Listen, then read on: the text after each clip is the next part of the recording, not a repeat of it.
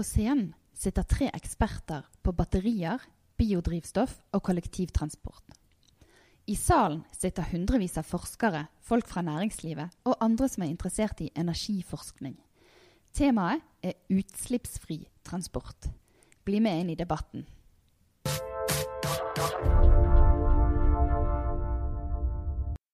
Transport står, som vi har hørt, for de største klimagassutslippene i Norge. Er det mulig med helt utslippsfrie biler, busser og båter? Og hvordan skal vi få det, til det i tilfelle? Nå tenkte vi skulle løfte blikket litt og se nærmere på hva som er mulig å få til fremover. Og da tenkte jeg du skal få begynne, Helene. Eh, når tror du alle kjøretøy, altså fordon, er utslippsfrie i Norge? I morgen? Nei. Eh, jeg tror at eh, det kommer gå fortere enn hva vi eh, ser i media. Vi er på scenen på energiforskningskonferansen i Oslo. Den som nettopp snakket, er Helena Berg. Hun er batteriekspert med mange års erfaring fra Volvo. Nå driver hun sitt eget batterikonsulentselskap, Libergren. Eh, jeg tror allmennheten kommer få opp mer og mer øynene på at det er bra å kjøre elbil. Eh, så at Jeg våger vågar si hvor mange år fram innan det hender, men at om det skal hende noe sted, så er det i Norge. For dere har allerede en god attityd til det her med el og elbiler. Neste spørsmål går til Pernille Aga.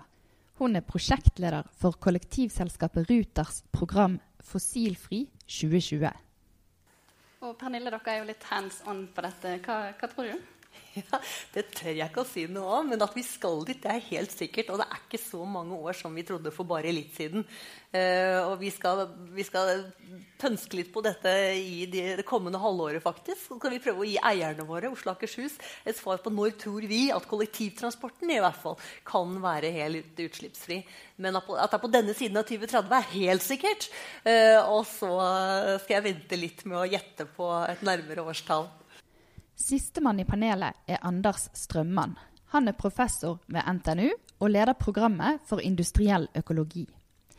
De tre har tidligere vært på scenen og snakket om henholdsvis batteriutvikling, Ruters vei mot utslippsfri buss- og fergepark og biodrivstoff. Nå løfter vi blikket i en samtale ledet av meg, som er Camilla Odland, journalist i Sysla. Vil du prøve å gjette?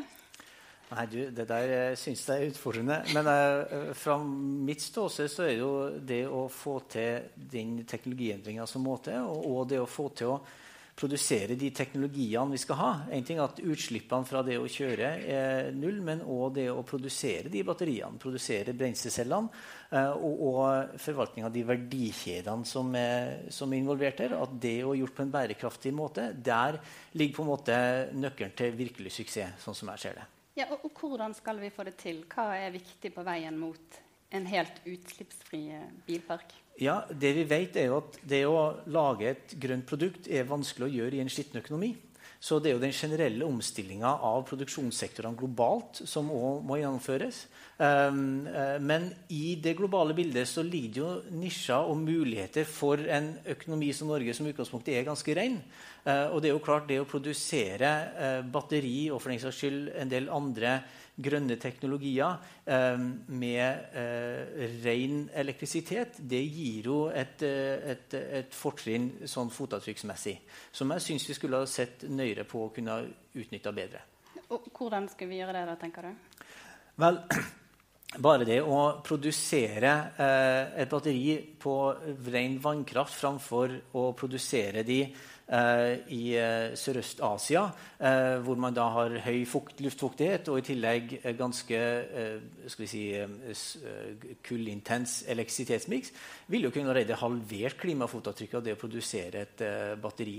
Så, så, her ligger det muligheter vi kan ta, men eh, da må vi jo hive oss rundt. For dette er en, en, sektor som utvikler seg veldig fort. Og jeg har ikke sett noen batteriprodusenter som har tatt til orde for å etablere batterifabrikker i Norge.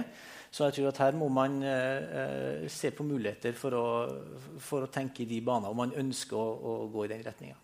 Tror du Helena, at det kan bli batteriproduksjon her i Norge? Ja, definitivt. Det pågår store debatter just nå i Sverige att ha en batterifabrik i, i Sverige eller norr, norra Finland. Eh, men, och då är drivkraften just grön el. Mm. Och, eh, ja, och satsar man då på ett koncept som jag tycker, då, någonting som är, är järnbaserat eller som man också har i den ind, övriga industri vi har här i Norden med mycket gruvindustri. Kan vi bygga någonting på det vi redan har och grön energi så kan vi gjøre noe riktig bra. Mm. Tror du det? At eh, batteriene til bussene deres kan komme fra Norge etter hvert? Det, det, hadde jo vært fint. Det vi kan gjøre som en, en, kjøper av teknologi og tjenester, er å stille de riktige og høye kravene. Eh, og For å få til det så trenger vi et godt og tydelig regelverk. og Vi trenger sertifiseringsordring, og vi trenger noe som vi kan lene oss på for å være sikre på at det er de riktige tingene vi etterspør. Eh, når vi kjøper biodrivstoff i dag, for eksempel, så stiller vi krav om at det skal være bærekraftig i tråd med regelverket som i Norge er lagt inn i produktforskriften. Og i tillegg så premierer vi for eh, dokumentert eh, klimagassreduksjon. Altså Vi har minimumskrav for at det skal være bærekraftig. at det må være tilfredsstille det regelverket. Eh, men da må det regelverket være godt nok. Eh, da må sertifiseringsordningene være gode nok. Eh, og det er noe med at eh, som, en kollektiv, som et kollektivselskap så, så, er vår kompetanse begrenset til et visst nivå. Og deretter må vi kunne lene oss på forskningen og på regelverket og på ordningene. Det er veldig veldig viktig, så vi ikke ender opp med å tro vi etterspør de riktige tingene, og så gjør vi egentlig eh, det motsatte. Ja, du snakket jo om hydrogenbusser mm. i sted, der dere er veldig i forkant. Um, opplever du altså, Du nevnte en god del forbedringsbehov på disse mm. bussene. dere har prøvd. Opplever du at eh, forskningsmiljøene og leverandørene er på hugget i å møte disse behovene som dere har? Ja, jeg gjør det. Og, og, spesielt nå for tiden så er det mye aktivitet på hydrogenområdet. Eh, og jeg tror nok det drives frem av politiske mål, eh, først og fremst. Fordi det stilles etter hvert veldig høye krav også til tungtransporten. Eh, ikke bare kollektivtransporten, men, men lange trailere og, og også på bygg og anlegg. Eh, hvor du rett og slett trenger såpass mye energi at du kan ikke dra med deg store, store batterier. Eh, så det skjer mye på hydrogenområdet nå. Og så er det et stykke igjen til hvert vi i kollektivtransporten kan ta det i bruk i stor skala. Fordi vi krever, eh, vi krever mye eh, av materiellet når vi kjører nesten døgnkontinuerlig. Ja, for nå har vi hørt om både elbiler og hydrogen og biodrivstoff. Og på veien mot en helt utslippsfri eh, transportnæring, hvilken teknologi vinner frem? Hva vil vi ende opp med som det viktigste? Ja, det der har vi grubla på lenge. Eh, hva som blir vinneren, tror jeg er utfordrende å si. Jeg tror at det heller ikke vil komme til å bli en vinner. Jeg tror ikke det kommer til å være noe sølvkule her. Her er det heller et sølvhagleskudd som skal til. Og, og det, det, det, brukes som en klisjé, men jeg tror oppriktig at dette er riktig innenfor transportsektoren. Jeg tror vi kommer til å se en mer um, segmentering av sektoren innenfor det som vi snakker om uh, energibehov, behov for energitetthet i forhold til langtransport, fly, um, uh, kontra ulike teknologier for da urban versus ekstraurban kjøring. Så jeg tror at her vil vi få litt mer nisjer. og jeg tror vi vil få flere teknologier som vil leve parallelt. Og jeg tror det er veldig viktig i den fasen vi er nå av omstillingsprosessen, at vi ikke prøver å gjøre noen veldig tidlige valg. Jeg tror det er veldig viktig å få modna flere teknologier, for vi trenger flere kort på hånda. Jeg tror det å satse på ett kort nå er, er, er utfordrende. det er risikabelt. Jeg tror vi må, vi må jobbe med kompleksiteten, det er i det å få til å sikre oss at vi benytter oss av bærekraftig biodrivstoff, at vi unngår avskoging.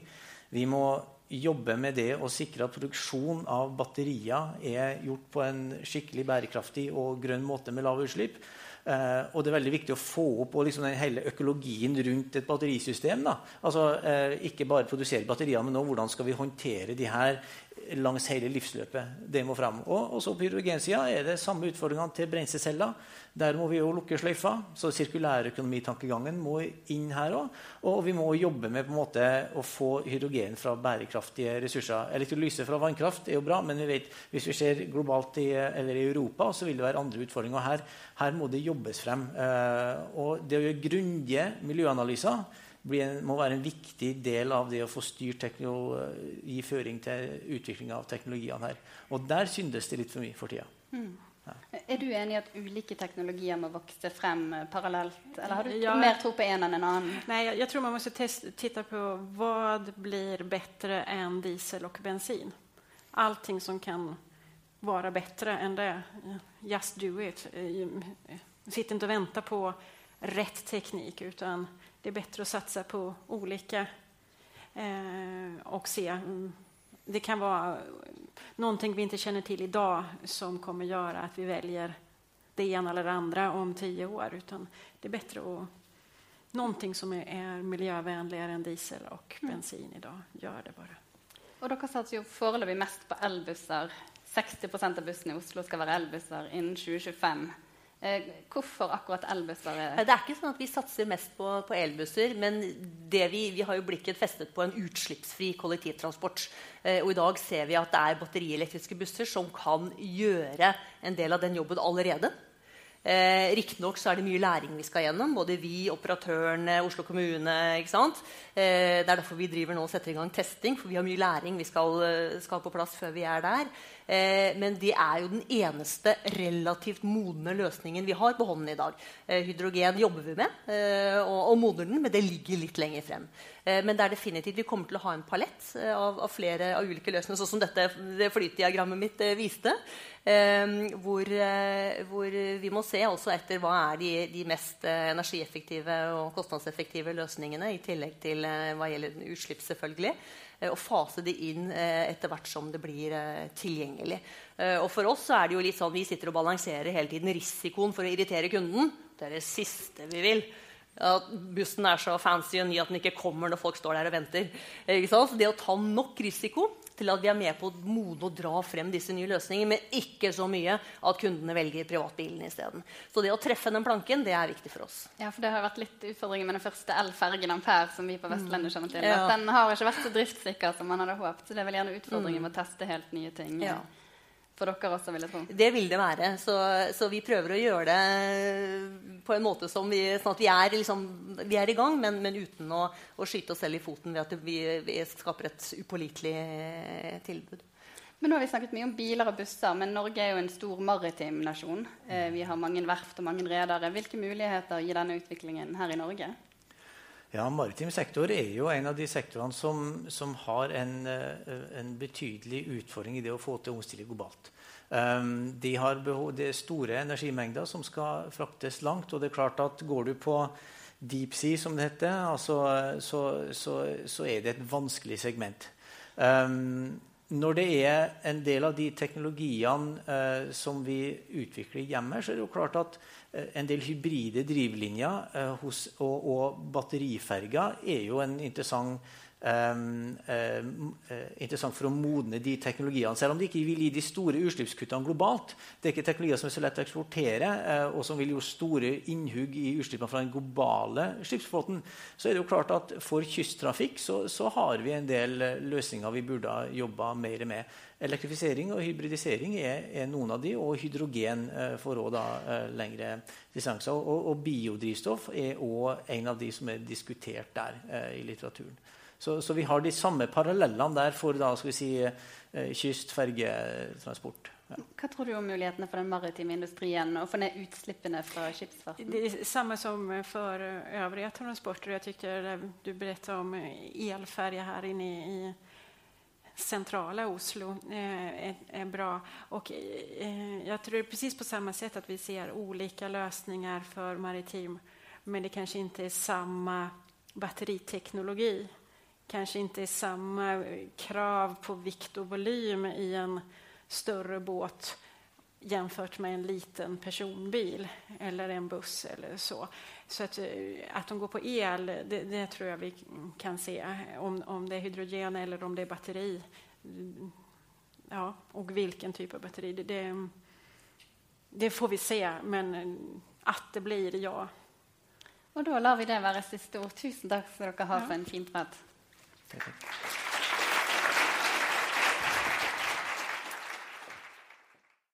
Du har nå hørt på Podkraft, Sysla sin faste podkast om det grønne skiftet fra et næringsperspektiv. Du kan abonnere på podkasten i iTunes eller din faste podkastspiller. Vi høres igjen.